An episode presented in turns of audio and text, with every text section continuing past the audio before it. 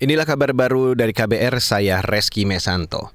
Saudara Pusat Pelaporan dan Analisis Transaksi Keuangan PPATK menemukan ada sekitar 1.200 laporan transaksi keuangan mencurigakan atau LTKM sepanjang 2022.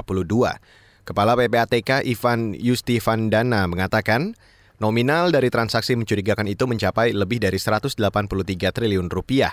Ivan menduga sumber dana itu berasal dari uang korupsi dan narkotika. Tindak pidana korupsi sendiri yang sudah ditangani oleh PPATK itu sudah dilakukan sebanyak 225 hasil analisis ya. Ini eh, apa? Tindak pidana yang paling beresiko terkait dengan tindak pidana pencucian uang dan tujuh hasil pemeriksaan yang eh, terkait dengan 275 laporan dengan total nominal terkait eh, sejumlah 81 triliun 313 miliar 833 juta 664 ribu 754.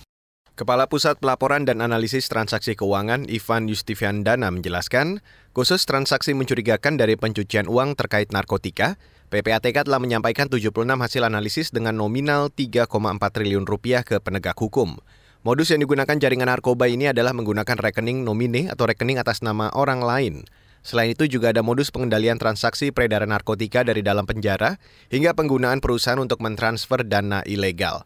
Sepanjang 2022, PPATK menerima lebih dari 25 juta laporan dengan lebih dari 81 juta transaksi yang dilaporkan. Beralih ke lantai bursa saudara, indeks harga saham gabungan IHSG melemah tajam pada penutupan perdagangan hari ini. Sore ini IHSG ditutup melemah 72 poin ke level 6.850.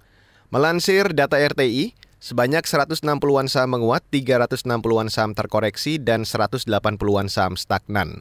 Investor melakukan transaksi sebesar hampir 20 triliun rupiah dengan 8,9 miliar lembar saham diperdagangkan. Indeks sektoral pun kompak ambruk di penutupan perdagangan sore ini dipimpin sektor energi.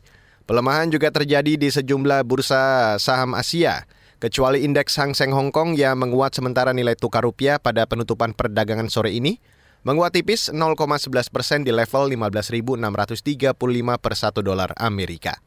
Saudara tim SAR Filipina masih mencari 26 orang yang hilang di 9 provinsi yang dilanda hujan, banjir, dan longsor akhir pekan lalu. Dikutip dari Reuters, sebagian besar korban hilang adalah nelayan. Badan Bencana Filipina menyebut bencana cuaca di Filipina itu juga telah menewaskan 25 orang dan menjadi yang paling mematikan tahun ini.